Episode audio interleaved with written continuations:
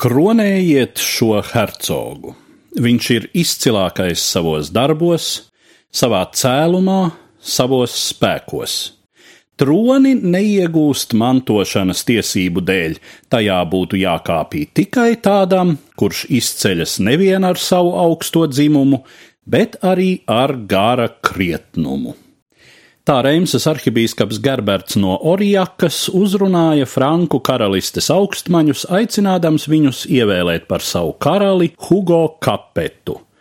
Un tika uzklausīts. Tā kunga 987. gada 3. jūlijā, tobrīd 47 gadus vecais Hugo, tika kronēts par Franku karali Nionas pilsētā.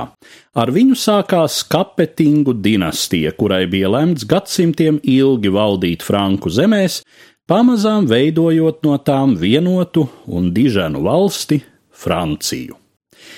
Tituls, kuru Hugo ieguva kāpjot tronī, bija Rex Francorum, Franku ķēniņš. Par Francijas karaļiem kapetingi sāka dēvēties tikai pēc vairāk nekā 300 gadiem, 14. gadsimta sākumā, un Hugo laikā jau nekādas Francijas arī nebija.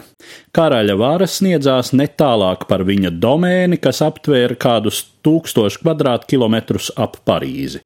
Ārpus šīs teritorijas franku valdniekam bija pat bīstami uzturēties, jo kāds no varenajiem vasaļiem varēja pat sadomāt savu lēņu kungu sagūstīt, lai izspiestu kādas privilēģijas, izpirkuma naudu, vai sliktākajā gadījumā atbrīvotos no sava valdnieka pavisam un pats mēģinātu iesēsties tronī.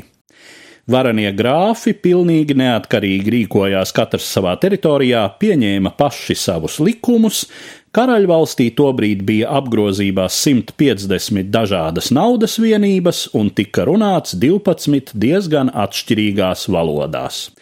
Nepavisam nebija skaidrs, vai ar Franku karalisti nenotiks tas pats, kas ar Vācu zemēm, kuras cēli dēvējās par Svēto Romas impēriju. Vācu ķēzaru reālā vara gadsimtu gaitā arvien mazinājās, līdz valsts saira daudzās lielākās un mazākās praktiski neatkarīgās vienībās. Ja ar Franciju būtu noticis tāpat, mēs varam tikai minēt, kāda šodien izskatītos Eiropa. Stipras un vienotas, spēcīgu monarhu vadītas Francijas pastāvēšana būtiski ietekmēja politisko klimatu arī visā mūsu pasaules daļā. Un tas, ka šāda Francija izveidojās, lielākoties ir Hugo Kapeta pēcnācēju nopelns. Hugo Kapeta tiešie pēcnācēji, kapetingu karaļi, valdīja Francijā līdz 14. gadsimta beigām, kad dinastija izbeidzās pēcnācēju trūkuma dēļ pa vīriešu līniju. Tā dēvētais saliešu likums, kas bija spēkā jau kopš agrajiem viduslaikiem, noteica Franku karaļa troņa mantošanu tikai no valdnieka vīriešu kārtas pēcnācējiem, dzimušiem mantiniekiem. Atbilstoši šiem noteikumiem par nākamajiem Francijas karaļiem kļuva kapetingu dinastijas sānu līnijas pārstāvji no Valoā dzimtas. Tomēr arī nākamie Francijas troņa mantinieki, gan Valois, gan viņiem sekojošie burboni, bija kapetingu līnijas turpinātāji, un visos šais gadsimtos Francijas karaļi allaž valkāja arī titulu Senior Kapē. Izšķirošo triecienu Hugo Kapeta mantinieku varēja Francijā deva revolūcija laikmets. Lielā Franču revolūcija vispirms atņēma karalim Lujam 16. viņa troni un titulus, sākdama dēvēt gāsto monarhu vienkārši par pilsoni kapē, un galu galā lēma viņam nāvi uz ešafota. Pēc Napoleona sakāves Burboni gan vēl atgriezās Francijas tronī, taču šie pēdējie vecās monarhijas pārstāvji vairs nespēja atjaunot savu senču varas kādreizējo diženumu.